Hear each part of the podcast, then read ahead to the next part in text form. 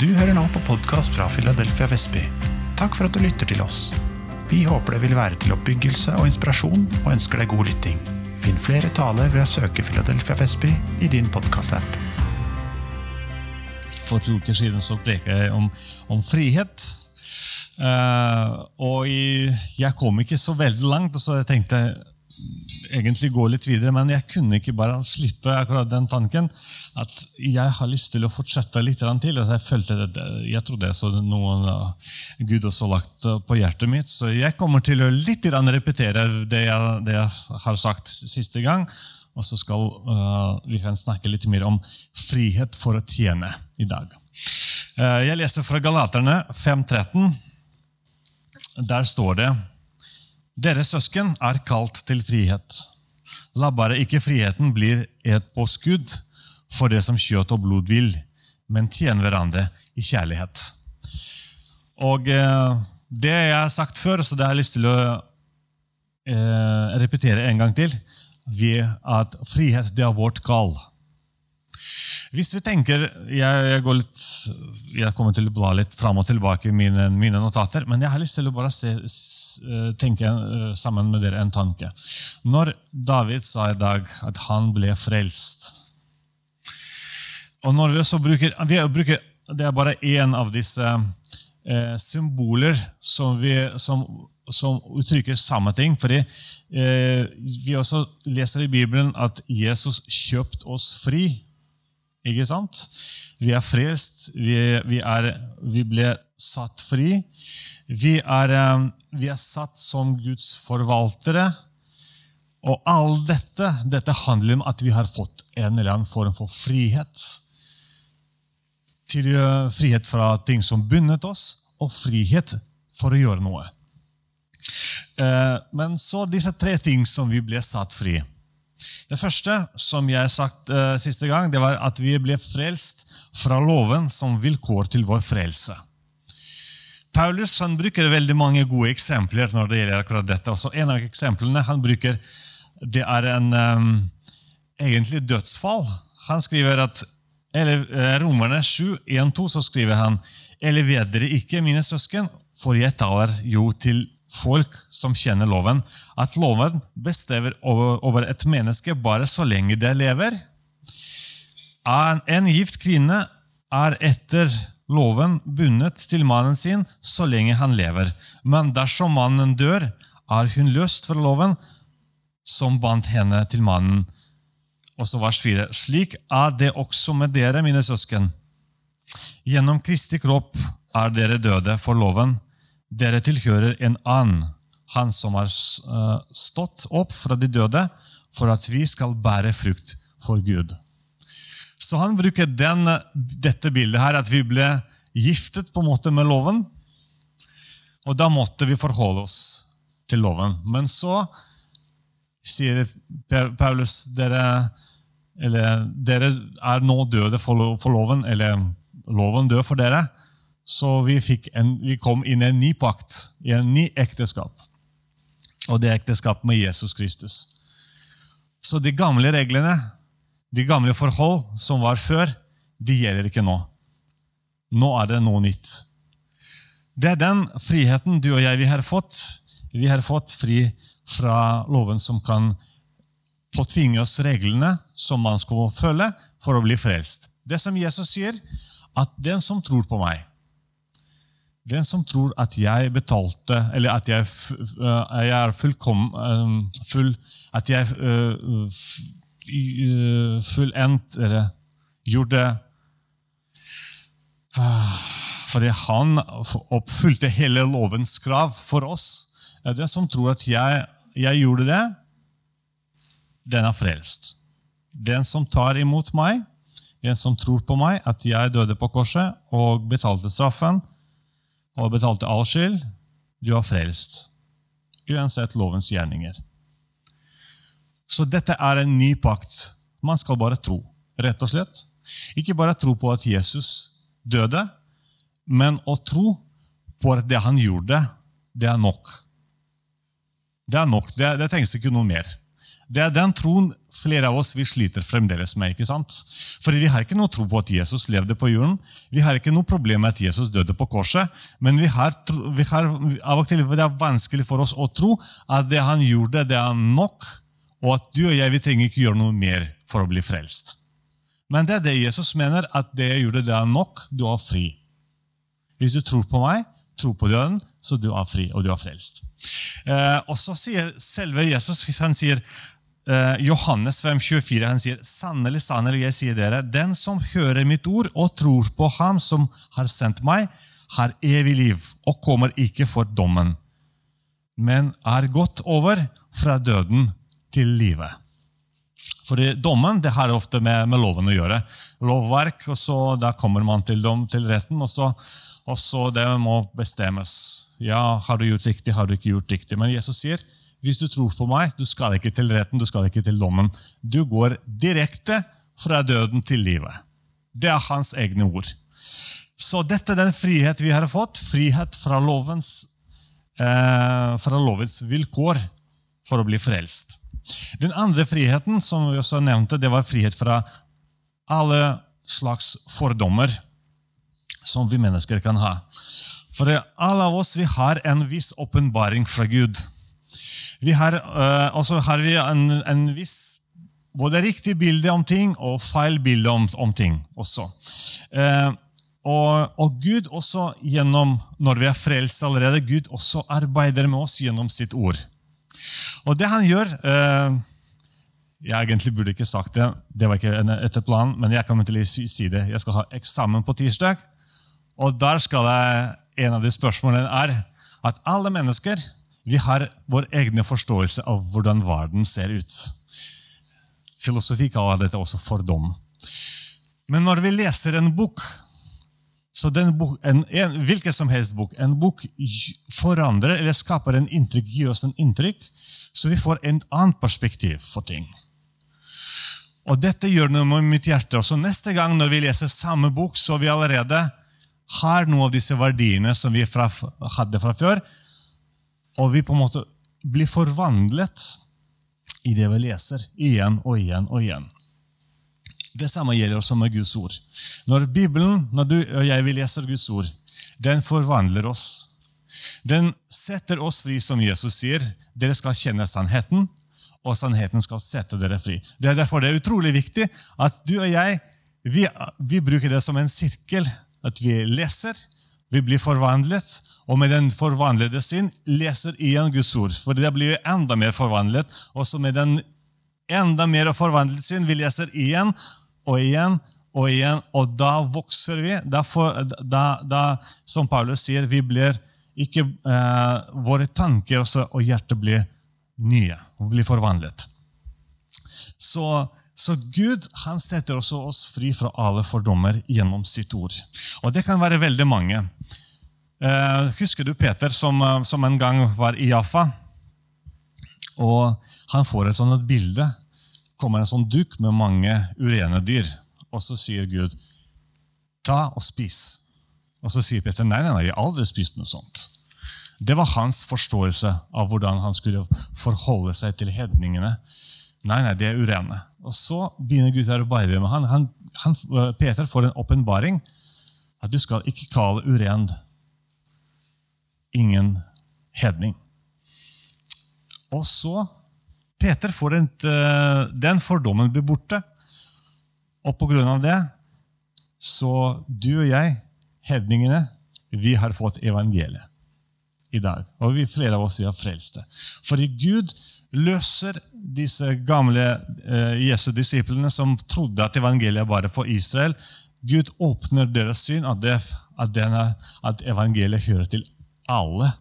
Og Sånne fordommer har vi alle sammen fremdeles. Kanskje ikke nødvendigvis akkurat denne saken, men det kan være eh, jeg vet ikke, evangelisering via Internett, f.eks. Ja, fungerer det? Fungerer det ikke? Eh, jeg vet ikke, Det kan være internasjonal menighet, eller til tale i tunger, i, eller, eller, noe annet. Det er flere, flere ting som vi syns er litt vanskelig fremdeles med. Men hvis vi bringer disse tingene til Gud og så sier Gud, jeg vil at du skal hjelpe meg å forstå dette, jeg vil at du skal åpenbare sannheten for meg når det gjelder disse ting eller disse emner, så Gud sender sin åpenbaring. Det tror jeg på. Han setter oss fri og gjør oss enda mer nyttig for Guds rike. Det kommer jeg til å si litt mer, mer om dette. Et godt eksempel på dette det er, på, det er selve Paulus. I Filipperne brev han skriver eh, i kapittel 3, fra vers 9 til 11 Ja, flott, Markus. Takk. Han, eller fra eller versene 3, eh, fra vers 9 til 11 så sier han eh, Eller jeg bare prøver å oppsummere litt. Han han, eh, han, kjenner, han ønsker å kjenne rettferdighet fra Gud bygd på tro. Han fikk åpenbaring om dette. Rettferdighet fra Gud av tro. Han lærer å kjenne kraft, kraft i Jesu oppstandelse. Han har sikkert fått, fått noe åpenbaring om dette. Og han har vil del i Jesu lidelser. Ja, det sagt jeg også litt om det i dag. Eh, og han har lyst til å ofre sitt liv for Kristus. Han fikk en åpenbaring. Og, og, og vet du hva? Skulle det er ting som Gud åpenbarer for oss. Og det er veldig lett at man kan begynne å hvile på disse tingene.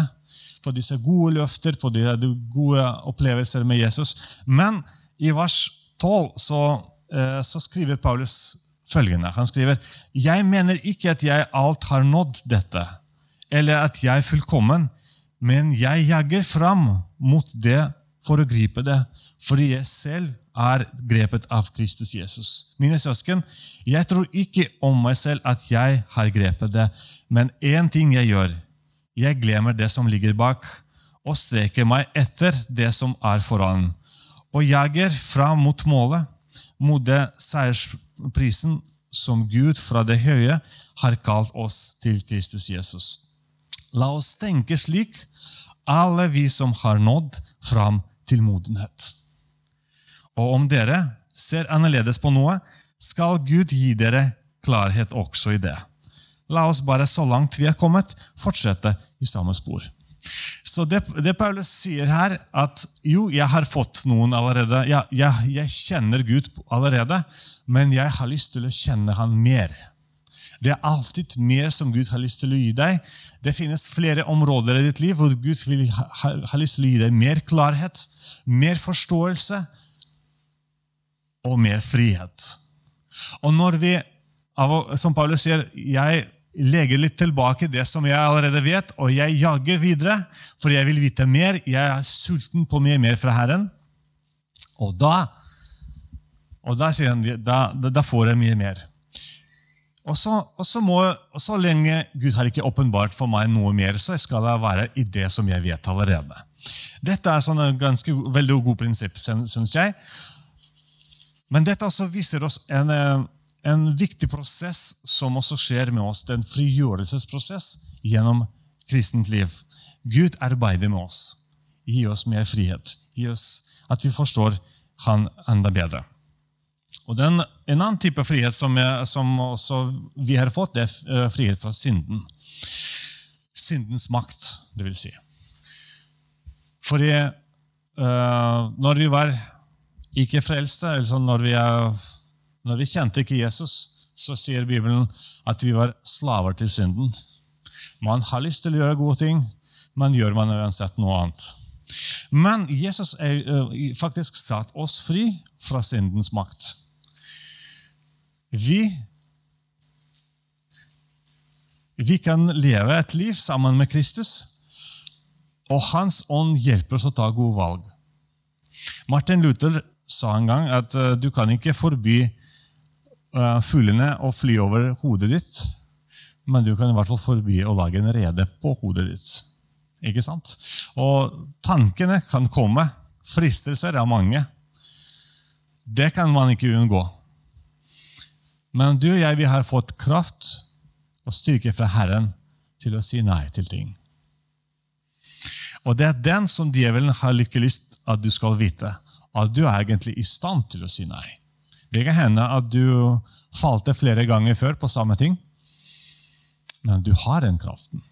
Det er ikke fordi du er sterk, men fordi Jesus bor i oss. Og han som bor i oss, det er han som setter oss fri, og det er han som gir oss styrke. eh, Romerne 6, 17 så står det skrevet Men Gud være takk, dere som før var synder, synders slaver, er nå av hjertet blitt lydige mot den lære som dere ble overgitt til. Dere ble satt fri fra synden og er blitt slaver for den som er rett. Her folkens, ligger en hemmelighet. Hemmelighet til en liv i seier. Jesus sa en gang følgende ting. Hvis, hvis en, han snakker om en besatt menneske, eller et hus som er besatt av en, eh, av en ond demon, og så sier hvis den eh, demonen blir, blir jaget ut, og huset er fri, og ingen tok den, så etter hvert den demonen kommer tilbake og oppdager oi, her er det fri, fritt plass, ingen tok bolig her. Så da går han og tar sju andre, og så går og så bosetter seg på nytt. Og Det er noe sånt, noen prinsipp som finnes egentlig i universet. det at Universet tåler ikke tomhet. Det må være fullt med noe. Det kan, du, det kan jeg garantere du kanskje oppdager hvis du har en, et stort hus. Når du bare flytter inn i et stort hus, og det ser tomt ut i begynnelsen, med bare noen få sekker, kanskje en seng. Men så lenge du bor i det huset, etter hvert så begynner det å komme flere og flere, flere ting. Og når du endelig skal flytte i en liten leilighet, oppdager man hvor mye ting har jeg egentlig her. Så at man ikke visste engang at man har så mye. Fordi det er sånn ganske naturlig at det fylles. Alle tomme plasser fylles. En tom hylle etter hvert blir fylt av støv, om ikke noe annet. Så dette er en naturlig ting, og akkurat det samme også gjelder med vårt åndelige liv. Når, når Gud setter oss fri fra syndens kraft, fra syndens makt Hvis vi ikke fyller vår sjøl eller vårt hjerte med noe annet, så blir vi fristet til å komme i gamle spor. Vi kjenner historien om David og Batsheba. Når, David uh, syndet med, med ei dame. Og Grunnen til at han gjorde det, står også ganske tydelig der. Hele hans hær var i krigen, mens David sov midt på dagen. Han hadde det så koselig og hyggelig. Han hadde ingenting å gjøre. Han var litt sånn, hadde altfor mye frihet, rett og slett. Litt for mye fritid. Og da han måtte finne på noe, på noe mer spennende enn bare å ligge. Det samme også gjelder, og det er det, det er det, som Paulus prøver å si oss her, at vi har vært slaver til synden først, og så nå skal vi gjøre oss frivillige slaver til rettferdighet. Vil si at hvis du har lyst til å gjøre, ikke gjøre uh, dumme ting, prøv å finne en glede i noe andre ting som du kan gjøre. Du må oppta deg med noe annet som du kan gjøre, som kan fylle den tiden som du brukte før til onde gjerninger, så nå kan man gjøre gode gjerninger. Dette er en, uh, hans, uh, hans råd til oss. For å ikke gjøre onde ting, begynne å gjøre gode ting. Dette hjelper. Og så kommer jeg til den, den, til, til, eh, til den punkten som jeg, som jeg, går til, at Gud ga oss frihet med en hensikt. Gud satte oss fri selvfølgelig fordi han er glad i oss, og han ønsker at du og jeg skal, skal ikke være bundet med noe, at vi skal bli ikke undertrykket, men at vi skal oppleve gleden, vi skal oppleve at vi er Guds barn. Men Gud ga oss frihet også med, med en annen grunn. Og jeg kan si at uh, Et godt eksempel her det er f.eks. Uh, eh, diplomater.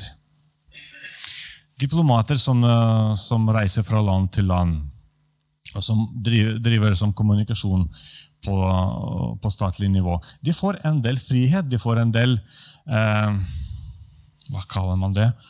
Eh, både rettigheter og privilegier som ikke andre mennesker har.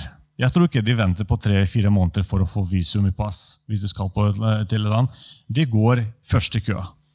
De får det de trenger fordi de skal ha en oppdrag som de gjør.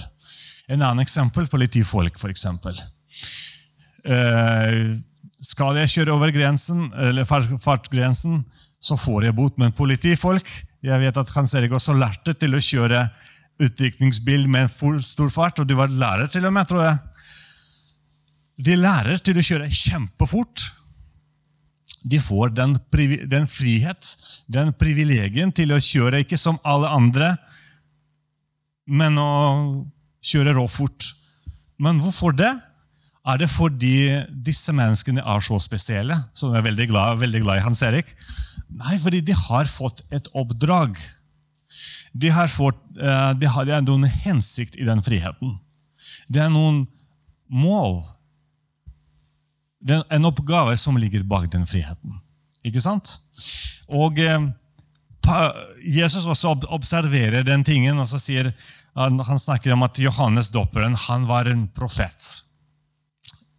Høyeste enn alle andre profeter i Gammeltestamentet. Men han sier den minste i Guds rike er større enn han. Du og jeg vi har fått mye større frihet. Vi, du og jeg, vi fikk, for, og, og tenk på det, den stakkars mannen. Jeg har litt synd på han, for han, eh, han, han, var, han levde en asketisk liv. Han eh, Han var Ja, han fikk den ære å på noen, og, han, eh, og ære til å møte Jesus. Mens du og jeg vi, ære, vi kan møte Jesus hver dag. Vi kan, og, og så, og så egentlig I Bibelen så står det ikke noen uh, konkret at det skal være pastor som skal døpe mennesker. Uh, og, og flere sånne ting, og, han, og flere mennesker i dag kan tale tunger, kan, kan bruke nådegaver og be for syke og helbrede. Jeg vet ikke om, om Johannes kunne be for syke, det, det, det står ikke noe i Bibelen om. Men Bibelen sier at den minste i Guds rike var større enn Johannes i dag. Du og jeg vi har fått en helt ny posisjon. Den friheten og den, eh, den forvaltning over Guds rike. Ikke for at vi skal rose oss at nå er vi så fine, men det er også gitt med en hensikt. Ikke sant? Og den hensikten, det, det er også Peter skriver Peter, i eh, 1. Peter 2,16 så, skriver, eh, så skriver han Dere er frie, brukbare ikke friheten som påskudd til å gjøre det onde, men til å tjene Gud. Ligg ned på det som Paulus skrev, som jeg leste helt i begynnelsen. Og så vers 17. Vis alle ære, elsk søskenfellesskapet, frykt Gud, gi keiseren ære, skriver han. Så han forteller oss litt mer om dette, hva det innebærer. Hva skal vi gjøre? Eh, At, vi skal, at vår frihet er gitt oss for at vi skal tjene. For at vi skal tjene. Og jeg tenker bare, La oss øh, komme tilbake til den friheten som du og jeg har fått. Du og jeg vi har fått frihet fra lovens eh, regler. Hvordan hjelper dette oss til å tjene Gud? Jo, det hjelper veldig mye. Skulle du og jeg leve uten, lo- under, lov, under loven? Jeg tror de fleste av oss ville hatt nok med seg sjøl. For jeg må passe på at jeg får min frelse. Jeg må passe på at jeg skal uh, fortjene min frelse. Jeg må gjøre det og det og det. Jeg må gå sånn, sånn, sånn. Eh, Jeg må si det og det og det. Jeg har ikke tid til andre mennesker. Det er mer enn nok med den linja, fordi jeg, jeg har lyst til å bli frelst og være, og være i, i himmelen. Men Gud sier, vet du hva? Nå du får, du får frihet. Bare glem det. Jeg har betalt alt. Nå er du fri. Bare lev som Guds barn. Du trenger ikke til å tenke på dette. Dette med frelse det har jeg allerede gjort. Vi går videre. ok? Og Den friheten er fantastisk, fordi du og jeg vi kan leve som, som Jesus var på jorden. Så du og jeg vi kan leve og tjene andre mennesker og forkynne Guds ord. Og ikke tenke på vår egen sak, på en måte, fordi den allerede ble gjort om på, på, på korset for mange år siden. Den er ferdig. Vi lever videre sammen med Jesus. Eh, også Gud ga oss overnaturlig kraft. Ikke sant? Og den også, som jeg har sagt, den, eh, den er gitt oss for at, eh, for at vi skal også hjelpe andre mennesker. Kommer mennesker som trenger noen mer enn bare en lege eller en psykolog. Og det finnes sånne saker av og til som man vet ikke hvordan man skal angripe. Og Gud gir oss visdom, Gud gir taletunger, tydninger og andre ting. Ikke for at, akkurat for at mennesket, eller du og jeg, vi kan hjelpe mennesker, vi kan tjene andre i kjærlighet med de gavene som vi har fått. Med den friheten som alle sammen har fått.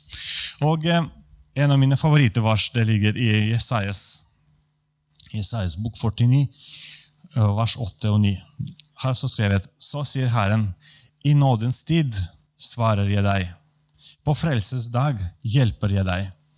Jeg har formet deg og gjort deg til en pakt for folket, for en reise landet og skifte ut eiendommen som ligger øde. For å si til fanger, gå ut, og til de som er i mørket, kom fram. De skal beite langs veiene og finne beite på alle sauene høyder. Det som skjer her Gud sier til profeten, 'Jeg, i nådens tid, jeg svarte deg.' Eller her 'svarer deg', men altså noen oversettelser sier at dette allerede har skjedd. Jeg, jeg svarte det flere ganger i nådens tid, og på frelsens dag hjelper jeg deg. Hvorfor gjør jeg det mot deg? Jo, så at du kan gjøre akkurat det samme med, med andre mennesker også. Fordi da kan du gå ut og så si til fanget 'gå ut', og de som sitter i mørket, kom fram. Så Gud først arbeider med deg og med meg. Han, gjør, han setter meg og deg fri, så at du og jeg kan også bli i stand til å hjelpe andre mennesker. Er ikke det fantastisk? Ja. Uh,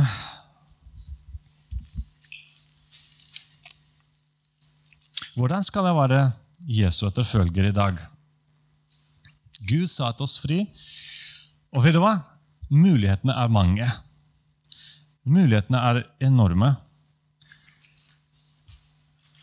Selvfølgelig vi kan dele evangeliet med mennesker, med venner. Vi kan gjøre det privat eller sånn, kjøre aksjoner.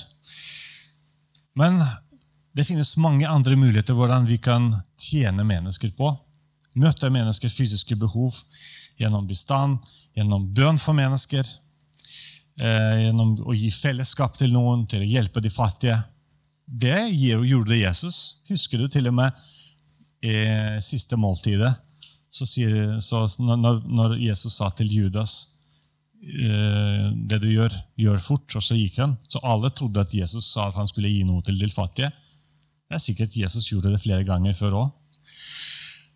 Så man kan også hjelpe eller, eller som, vi, som, vi, gjør når vi arrangerer en leir for, for krigsutsatte barn det er også å tjene Gud. Eller å tjene mennesker. Og bruke den friheten vi har fått. Og bruke de mulighetene som Gud ga oss, til å tjene noen som trenger det mer enn oss. Eller som har det verre enn oss. Å tale ut. En journalist kan tjene Gud. En blogger som kan formidle god budskap. Eller kristne verdier, gode verdier. Det er en måte hvordan vi kan tjene andre mennesker, fordi vi vil hjelpe mennesker til å finne sannheten. Ikke sant? Og det, det som, som, jeg sier, mulighetene er mange. Og så fyller nøkkelroller i samfunnet når det gjelder både politikk og eh, arbeid.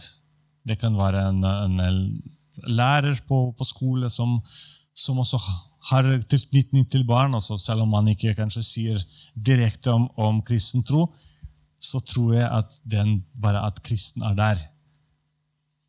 Og Guds ånd er der og kan påvirke mennesker på en veldig god måte. Og Det er flere av dere som gjør dette, som jobber med dette til vanlig. Dette er gaven som Gud ga deg. Så bruk den til å tjene mennesker alle andre sosiale handlinger. Du vet, uh, Bibelen, hvis man, hvis, man, hvis man, leter etter, så finner man at, at i Bibelen så, så, så, det er ikke bare firkantet at man skal bare gå ut og så, og så, og så med, med, med, brosjyrer og så dele ut brosjyrer til alle sammen. Det finnes mange måter hvordan man skal eh, tjene Gud i Hans rike. Når Johannes døperen døpte folk, og han sier Guds rike er nær, så kommer folk til ham og spør hva skal vi gjøre. Ok, Guds rike er her, hva skal vi gjøre? Og så Lukas eh, kapittel 3 så står det skrevet at uh, eh, det kom også noen tålere for å bli døpt, og de sa han, 'Mester, hva skal vi gjøre?' Og så sier Johannes, 'Krev ikke inn mer enn det som er fastsatt.' De må gjøre jobben sin, men de må gjøre det på en god måte. Det er vers, det er vers 12 jeg leste nå. Eh, Vers 12 og 13. Også, også noen soldater spurte ham, vers 14, eh, Lukas 3, 14, hva skal vi gjøre?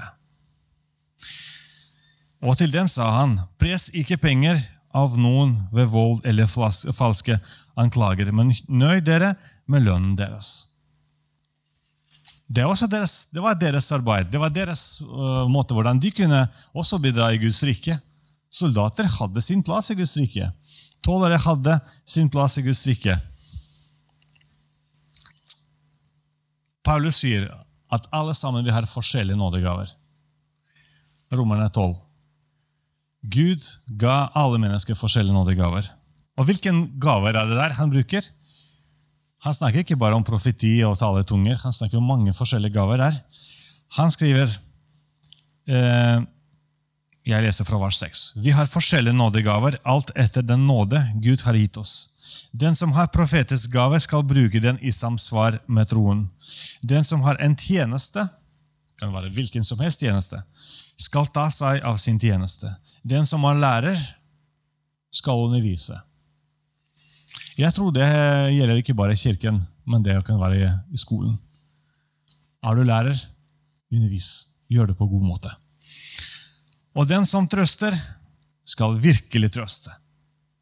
Ikke halvhjertet, 100% Den som gir av sitt eget, skal gjøre det uten baktanker. Den som er satt til å lede, skal gjøre det med iver. Den som viser barmhjertighet, skal gjøre det med glede. Mulighetene er mange, og Guds gaver til oss alle sammen er mange. Så du og jeg, vi kan tjene Gud med det vi har fått, fordi du og jeg blir satt fri. Og vi må bruke den frihet som vi har fått, på en, eh, på en måte som, eh, som kan være til glede for Gud og mennesker. Eller som Peter sa, at vi skal, gi, skal frykte Gud og så gi ære til keiseren.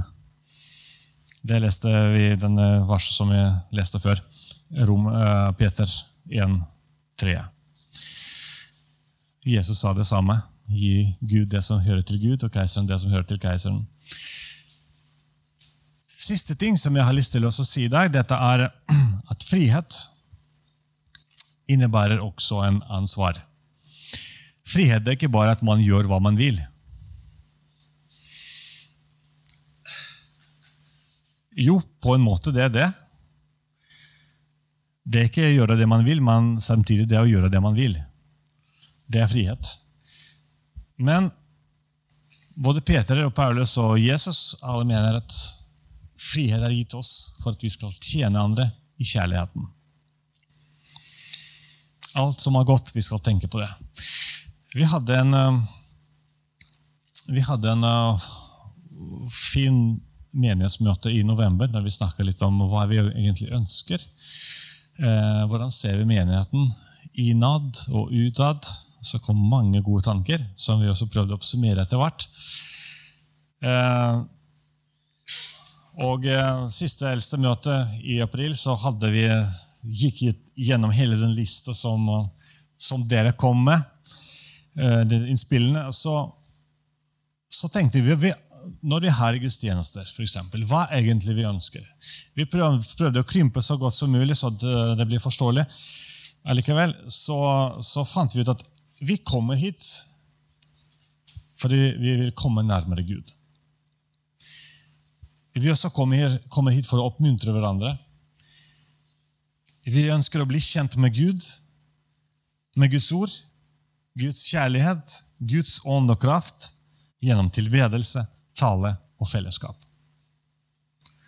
Det er det vi ønsker. Samtidig så det var veldig mange av oss som, som sa at vi også drømmer om at våre gudstjenester skal være frie. Det skal være frihet for Den hellige ånd.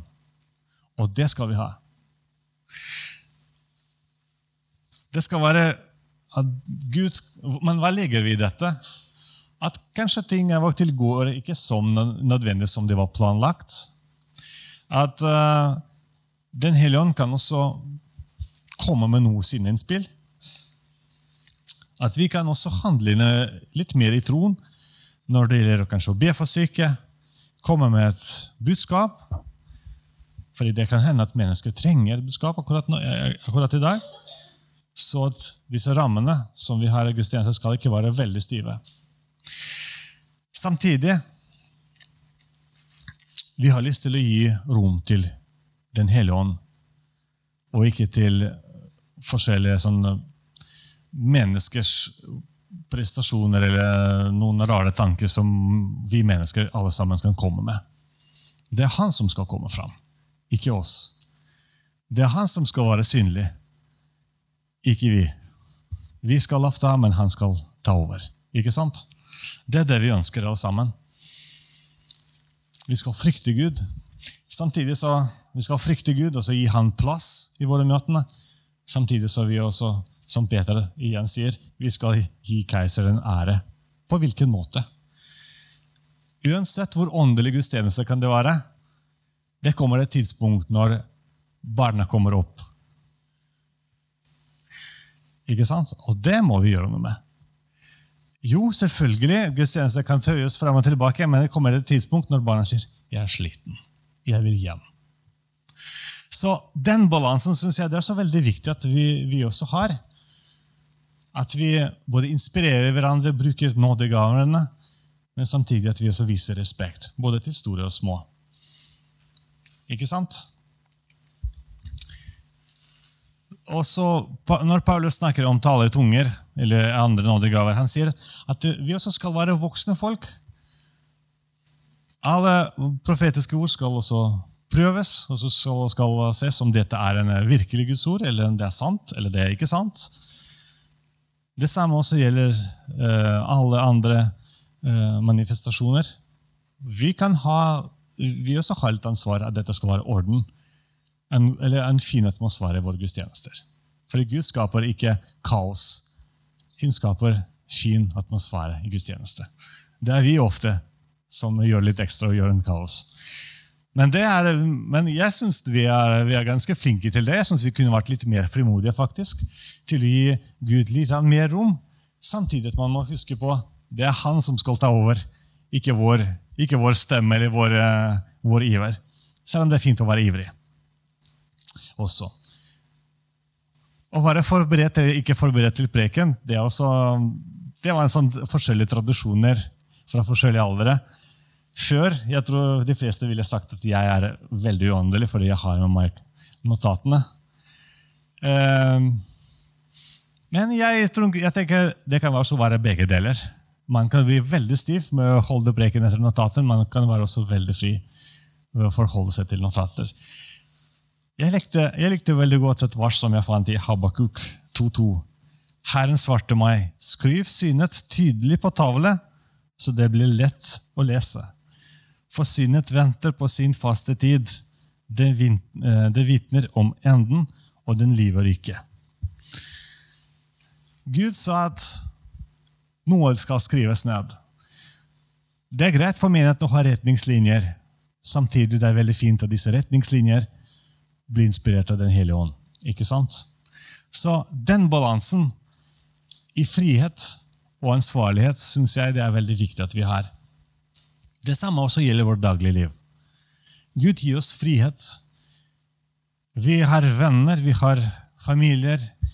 og Vi må bruke disse mulighetene. og vi, igjen, Når vi snakker om hvordan vi, menigheten skal se, se ut eller hvordan vi som menighet skal være innad, så snakker vi, med, snakker vi at vi vil være sjenerøse.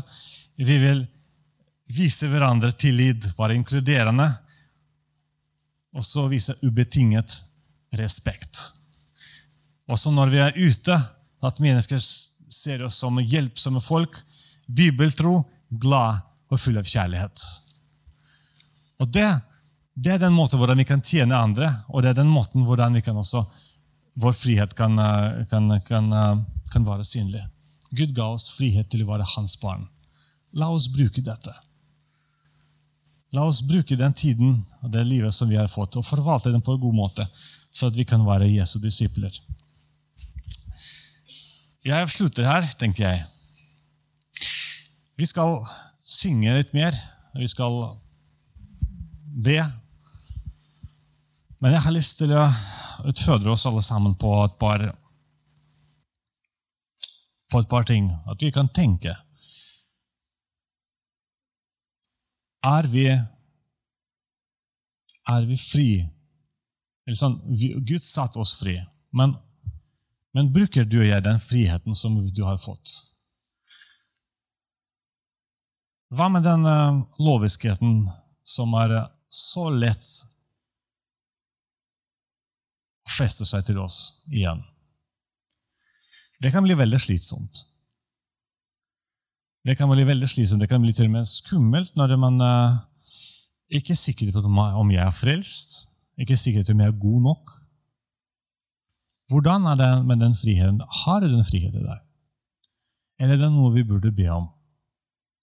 Eller noe kanskje du burde lese mer om eller få åpenbaring om Gud, fra Gud.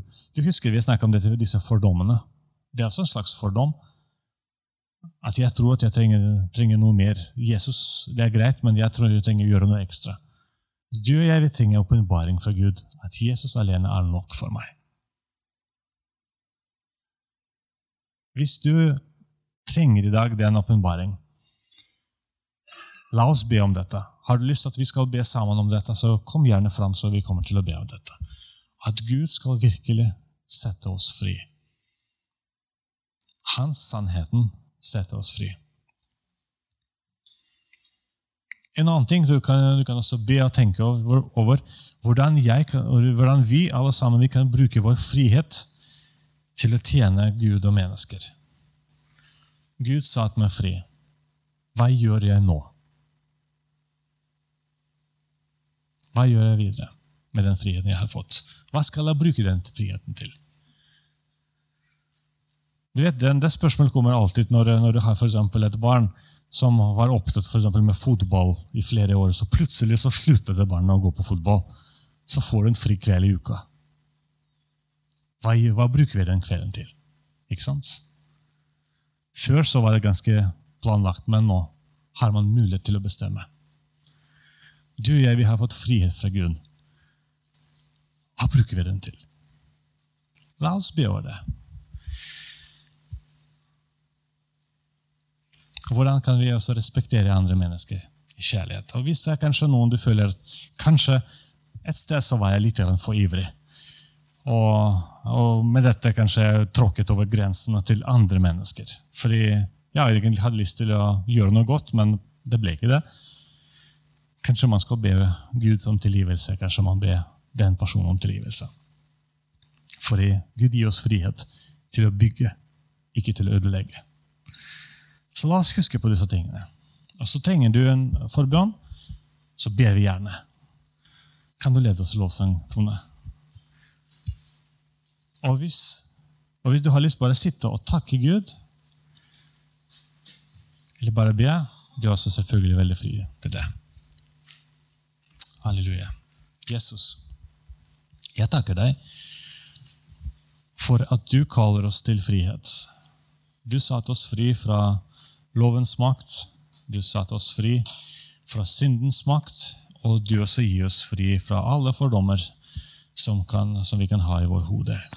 Når vi leter etter deg, når vi spør til deg, når vi går i disse samtalene med deg, så vet jeg, Gud, at du skaper noe nytt i oss. Du gir oss åpenbaringer den frihet vi har fått, Gud, for å tjene andre mennesker.